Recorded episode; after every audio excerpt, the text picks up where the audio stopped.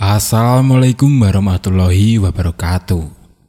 Hai teman-teman semuanya, selamat datang kembali ya di channel Studio Horor. Studio Horor kali ini akan menceritakan tentang sebuah kisah warisan leluhur. Cerita misteri kali ini bersumber dari Ed Gundul Silir. Lalu bagaimana keseruan dari kisah kali ini? Mari kita simak kisah ini bersama-sama. Warisan leluhur berdasarkan kisah nyata. Tak pernah mengenal, tak pernah bersuah, tapi terwarisi. Bukan sebuah benda, juga bukan harta, tapi sebuah jiwa. Warisan bagi sebagian orang, mendapat warisan adalah sesuatu yang menyenangkan. Warisan yang bisa manfaat baik untuk beberapa orang. Jika warisan itu dapat memberimu rasa yang membahagiakan. Tapi tidak untukku, aku tidak mengharap, tidak meminta, tetapi diwarisi. Warisan turun-temurun, jin, Itulah nama warisan yang kudapat. Aku tidak tahu apa itu. Aku tidak tahu dari mana itu. Aku tidak tahu nama dari lelembut itu. Aku pun juga tidak tahu apa guna warisan itu. Inilah ceritaku, cerita tak bergambar yang penuh sendu. Pukul dua dini hari, Aku tiba-tiba terhenyak dari tidurku. Entah kenapa. Mungkin karena Allah ingin aku bersujud lebih dalam. Kubuka mata perlahan, kulihat samar. Tapi aku yakin sesosok perempuan cantik berkebaya indah dan berambut panjang terus mengelus kepalaku. Buayanya tak bisa kutolak. Aku terlelap lagi dengan sedikit rasa was-was dan berbicara dalam hati. Nanti aku bangun jika dia sudah pergi. Ah, dia selalu bisa membuatku tergoda. Seharusnya aku berontak. Tapi saat itu, aku belum memahami. Mungkin hampir setiap malam, dia menemaniku dengan senyum manisnya, seolah memberi kehangatan, namun menggigil karena sentuhannya. Aku yang tak pernah tahu siapa kamu, bahkan namamu tak pernah sedikit pun kau sebutkan, walau dalam batinku. Tahun 2006, aku berikhtiar menjauhkanmu. Minggu pagi, aku bersiap berangkat ke masjid sekolah sesuai instruksi dari guru bahasa Inggrisku yang sangat islami. Dengan kerudung bermotif tulisan Arab gundul milik kakakku yang mondok di Ponpes, salah satu kota yang dekat dengan kotaku. Dengan mantap, aku melangkah dari gerbang depan sekolah menuju masjid. Pagi ini terik matahari nampak cerah, memberi senyum pada kami para siswa yang mencari kesembuhan dari gangguan jin. Sepertinya aku datang sedikit terlambat, seolah semua menungguku untuk memulai rukiah ini. Karena segera setelah aku sampai dan mencari tempat duduk bersama sedikit teman-teman perempuan, acara segera dimulai. Maklum, STM, perempuan hanya sedikit saat itu. Kami semua dipersilahkan berbaring, dan aku berbaring di samping salah satu temanku yang berbeda jurusan, yang mendapatkan warisan juga. Ya, dia memang ingin aku di sampingnya karena kami cukup dekat di ekstra silat. Dia sangat khawatir dengan reaksi yang akan dia timbulkan. Karena itu, dia menggenggam tanganku. Rukiah dimulai. Lantunan ayat suci terus bergema. Awalnya aku sangat menikmati, tapi semua berubah saat teman yang menggenggam tanganku melepaskan genggamannya dan berteriak kencang. Mulai dari itu, aku ikut tak disadarkan diri. Entah apa yang kuperbuat, aku tidak mengeluarkan suara apa pun. Tapi tubuhku terus bergerak, air mataku terus mengalir. Setidaknya itulah yang teman-temanku katakan padaku setelah beberapa waktu telah berlalu. Sayang sekali, ikhtiar ini belum begitu membuat warisan ini meluntur. Semakin hari, dia semakin menunjukkan eksistensinya. Warisan ini juga memulai meminta imbalan sedikit demi sedikit.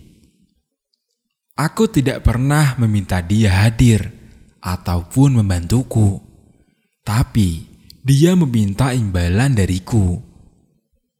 Fisikku mulai melemah, tidak sekuat aku yang dulu. Aku mulai sering sakit, yang dulunya aku sekuat baja, yang jarang sekali sakit. Terkadang dia menunjukkan kemarahannya dan berimbas pada wajah atau fisikku. Bila amarahnya memuncak, dia akan membuat semua luka yang cukup besar di area wajah. Tahun 2006, aku masih kelas 1 STM. Puber pun belum begitu memuncak. Bahkan belum begitu mengenal puber. Tapi di wajahku sering timbul seperti jerawat di tengah kening, di antara dua alis. Timbulnya akan langsung banyak dan tiba-tiba melepuh, padahal tak pernah kupegang. Lukanya seakan menjadi parah dalam sehari atau dua hari, tetapi dalam sesaat luka itu akan bersih tanpa bekas sama sekali. Ini terjadi berulang kali. Bahkan, kadang muncul luka seperti tersulut api di bagian pelipis samping mata yang berbentuk bulat, cukup besar dan bernanah. Tanpa aku ketahui sebabnya, lagi-lagi dalam sekejap luka itu akan kering dan hilang tanpa berbekas sama sekali. Padahal, umumnya luka-luka seperti itu akan cukup berbekas dan akan tampak. Aku pun selalu diperingatkan pelatih silatku agar dapat mengendalikannya, agar dia tidak semakin menyakiti. Bahkan, dia juga membuatku kewalahan dan merasa bersalah kepada beberapa orang.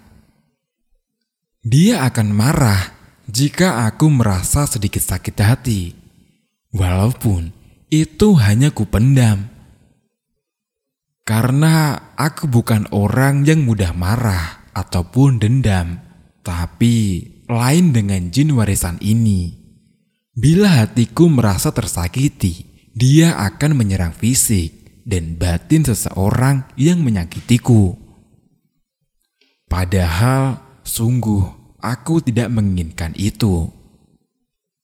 Pernah waktu itu salah satu teman yang cukup dekat denganku mengkhianatiku dan berbuat tidak baik di belakangku. Aku memang merasa sedih dengan sikapnya, tapi aku tak pernah dendam ataupun marah. Tapi dia langsung melukainya tanpa sepengetahuanku. Temanku mengeluh sakit di bagian dada pada pelatih silatku. Tapi pelatih silatku tidak mengatakan apa sebabnya kepada temanku. Justru pelatih mengatakannya kepadaku jika yang membuat dada temanku sakit adalah jin dalam diriku. Aku sungguh tidak mengetahuinya. Aku sangat merasa bersalah karena jin itu bertindak atas kehendaknya sendiri. Pelatihku hanya memberi pesan padaku agar aku memaafkan sikap dari temanku itu. Ya, karena pelatihku tahu pasti bagaimana sikap temanku itu kepadaku. Aku katakan, aku sudah memaafkannya sepenuh hati. Aku juga tetap bersikap baik padanya. Walau sebaliknya, temanku itu kepadaku. Dari saat itu, aku tidak pernah memendam rasa sakit hatiku. Aku akan langsung bersujud memohon ampun kepada Allah selesai sholat lima waktu. Jin warisan, dia memberi kelebihan lain yang kusebut kekurangan yang melelahkan. Dia memberi satu penglihatan lain yang tanpa aku menyadarinya, dia berusaha memujukku dengan penglihatan semu. Hari ini tidak seperti biasa.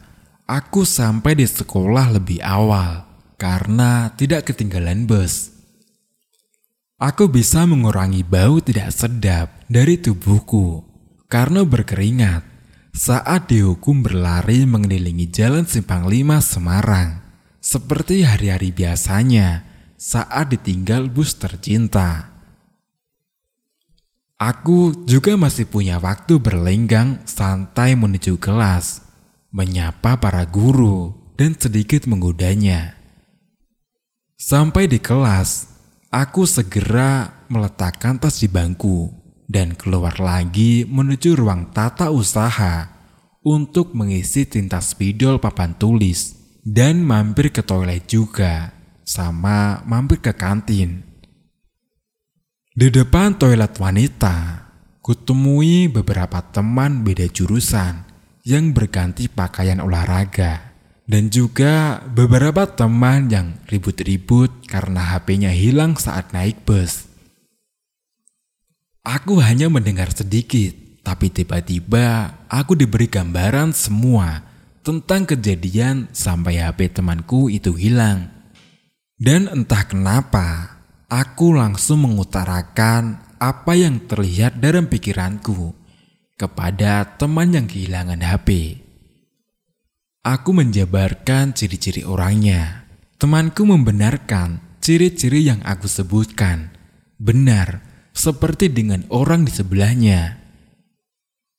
Dia pun keheranan dengan apa yang kusebutkan, karena aku tidak ada di tempat kejadian sebelumnya. Arah rumah kami pun berlawanan. Aku hanya mengatakan, aku juga tidak tahu bagaimana bisa. Aku pun kembali ke kelas dengan pikiran yang penuh tanda tanya. Kok bisa begini ya? Bagaimana bisa? Iya, saat itu pemahamanku tentang jin yang suka mencuri kabar memang masih kurang. Karena baru kelas 1 STM inilah dia mulai benar-benar menetapkan pilihannya untuk memberiku warisan. Menunggu waktu yang tepat sampai aku benar-benar dewasa. Jangan sebut ini kelebihan, karena dia juga memberi ketakutannya padaku. Jangan membanggakannya, karena dia juga mengambil hal lain yang menurutnya hak dan imbalannya. Dia akan merampas yang sebagian kebahagiaan hidupmu.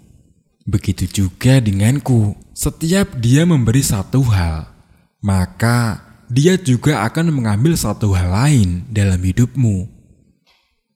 Kesehatan itulah hal lain dalam hidupku yang disedot sedikit demi sedikit dia ambil.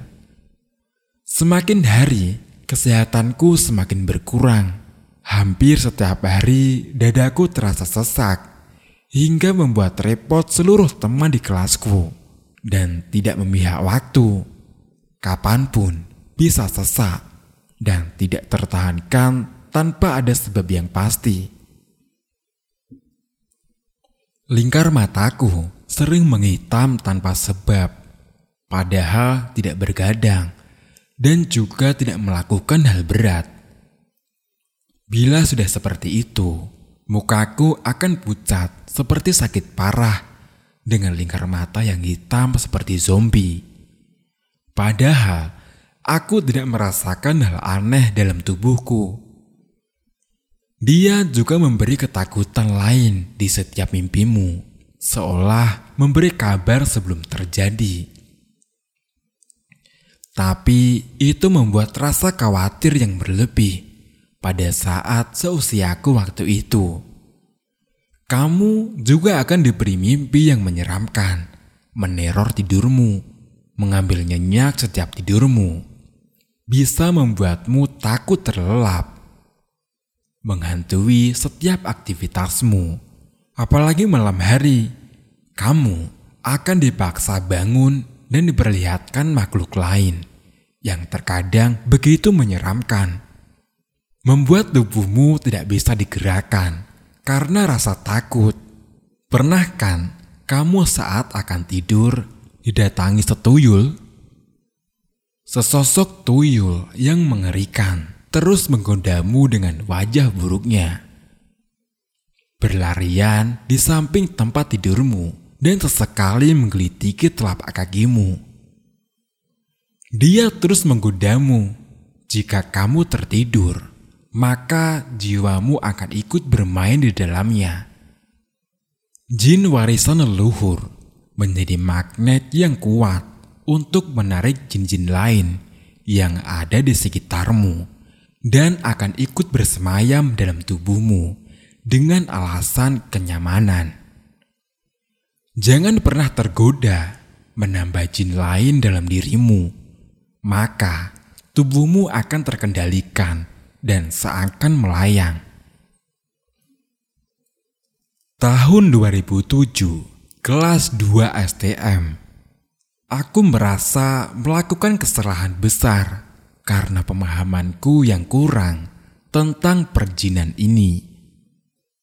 Aku melakukan sesuatu yang disarankan seseorang untuk puasa mutih, katanya agar aku bisa mengendalikannya dan memanfaatkannya untuk hal yang baik. Aku puasa mutih selama tiga hari, tapi setelahnya aku menyesal. Ternyata karena hal itu, kepekaanku semakin tidak terkendali. Jin-jin lain semakin bisa menyakiti fisikku, walau tidak terlihat dari mata orang biasa. Beberapa jin juga tertarik ikut denganku. Aku sudah berusaha menolak sekuat tenaga, tapi energiku sering terkuras. Dari banyaknya jin yang ikut, Mungkin sekitar lima dan masih ada yang ingin ikut lagi. Tapi aku terus menolak karena hal itu tubuhku semakin melemah. Mereka mengambil energiku. Aku semakin sering sakit. Berat badanku semakin hari semakin berkurang. Mereka semakin sering bisa menyakiti fisikku mengikuti ke mana pun aku pergi, menerorku di semua aktivitasku. Sungguh melelahkan dan menakutkan kadang. Was-was selalu yang kurasakan. Beberapa kali aku seperti akan kerasukan, tapi alhamdulillah aku terus bisa mengendalikan walau menghabiskan semua energi dalam tubuh. Yang masih kusyukuri, aku bukanlah tipe yang sering tergoda jin lain hingga mengakibatkan kesurupan. Aku masih bisa terus mengendalikan dan berusaha menjauh dari teman-teman yang kerasukan. Itu juga dibantu dengan teman-temanku lain yang perhatian. Pernah suatu ketika aku bersiri di bawah pohon besar di dekat lapangan tenis. Aku diganggu penunggu pohon itu, sesosok kakek tua yang menyukai jin dalam diriku. Tubuhku bergetar hebat seluruhnya karena penolakan dariku dan dari jin warisan yang ada dalam diriku. Tubuhku sangat berat, bahkan disentuh satu jari saja oleh temanku, aku merasa ditekan kencang. Aku terus mengendalikannya dengan banyak istighfar. Aku juga masih sadar sepenuhnya. Walaupun tubuhku menggigil dan bergetar hebat, aku masih sadar dan mengenali semua teman yang berusaha menenangkanku. Akhirnya, aku bisa mengusir sosok kakek tua itu dengan sekuat tenaga. Jin warisan, dia juga bisa membawamu ke alam lain, bersama-sama dengan mereka yang lain juga. Kamu juga bisa terbendam seluruhnya jika energi jin dalam dirimu tidak lebih kuat. Berhati-hatilah, jangan terbujuk rayuan pergi ke alam mereka. Bila tak beruntung, kamu tak akan bisa kembali. Begitu pula denganku. Aku hampir tidak bisa kembali. Alhamdulillah, aku masih diberi keselamatan dan dibantu kembali melalui bantuan seseorang yang sampai sekarang tetap kuhormati. Walau tidak lagi berjumpa, membuat rasa trauma yang mendalam. Bahkan pada hal-hal kecil yang menurut orang lain itu ketakutan yang tidak masuk di akal. Tapi akan sulit untuk menjelaskan apa sebabnya. Tidak semua orang akan percaya dengan cerita alam gaib. Jin warisan tidak hanya berfokus pada dirimu yang diwarisi, tetapi juga bisa mengganggu orang-orang terdekatmu, mengambil kebahagiaan mereka, mengambil kesehatan mereka, memberi rasa curiga, juga memberi rasa takut yang berlebih. Tidak luput dengan orang-orang terdekatku saat dia menjadi magnet untuk jin lain mereka akan berusaha menggangguku. Jika tidak bisa, maka mereka akan beralih ke orang terdekatmu dan membuatmu lebih bersedih dan semakin merasa jatuh. Dan jika jin warisan ini tidak menyukai sikapmu atau orang terdekatmu, dia juga akan menyakiti fisik mereka. Jangan lengah dengan semua tipu dayanya Suatu saat akan aku ceritakan bagaimana jin bisa membuat kesedihan yang mendalam di hidupku melalui orang-orang terdekat. Jin warisan leluhur ini kukira diturunkan langsung dari ayahku, tapi ternyata salah. Ayahku tidak menuruni jin ini secara langsung dari kakekku atau buyut ataupun leluhur yang lebih tua Ayahku hanya mengikuti ritual ilmu ajaran leluhur, dan yang lebih mengejutkanku, ilmu ayahku telah lama hilang sebelum aku lahir. Semenjak masa kecil kakak keduaku, semua dikatakan oleh ibu baru saja. Mungkin dua minggu yang lalu, ibu mengatakan ilmu ayah hilang karena melanggar pantangan saat kakak keduaku masih kecil. Jadi, ayahku tidak menurunkan jin padaku. Jin itu diwariskan langsung dari leluhur keluarga ayahku.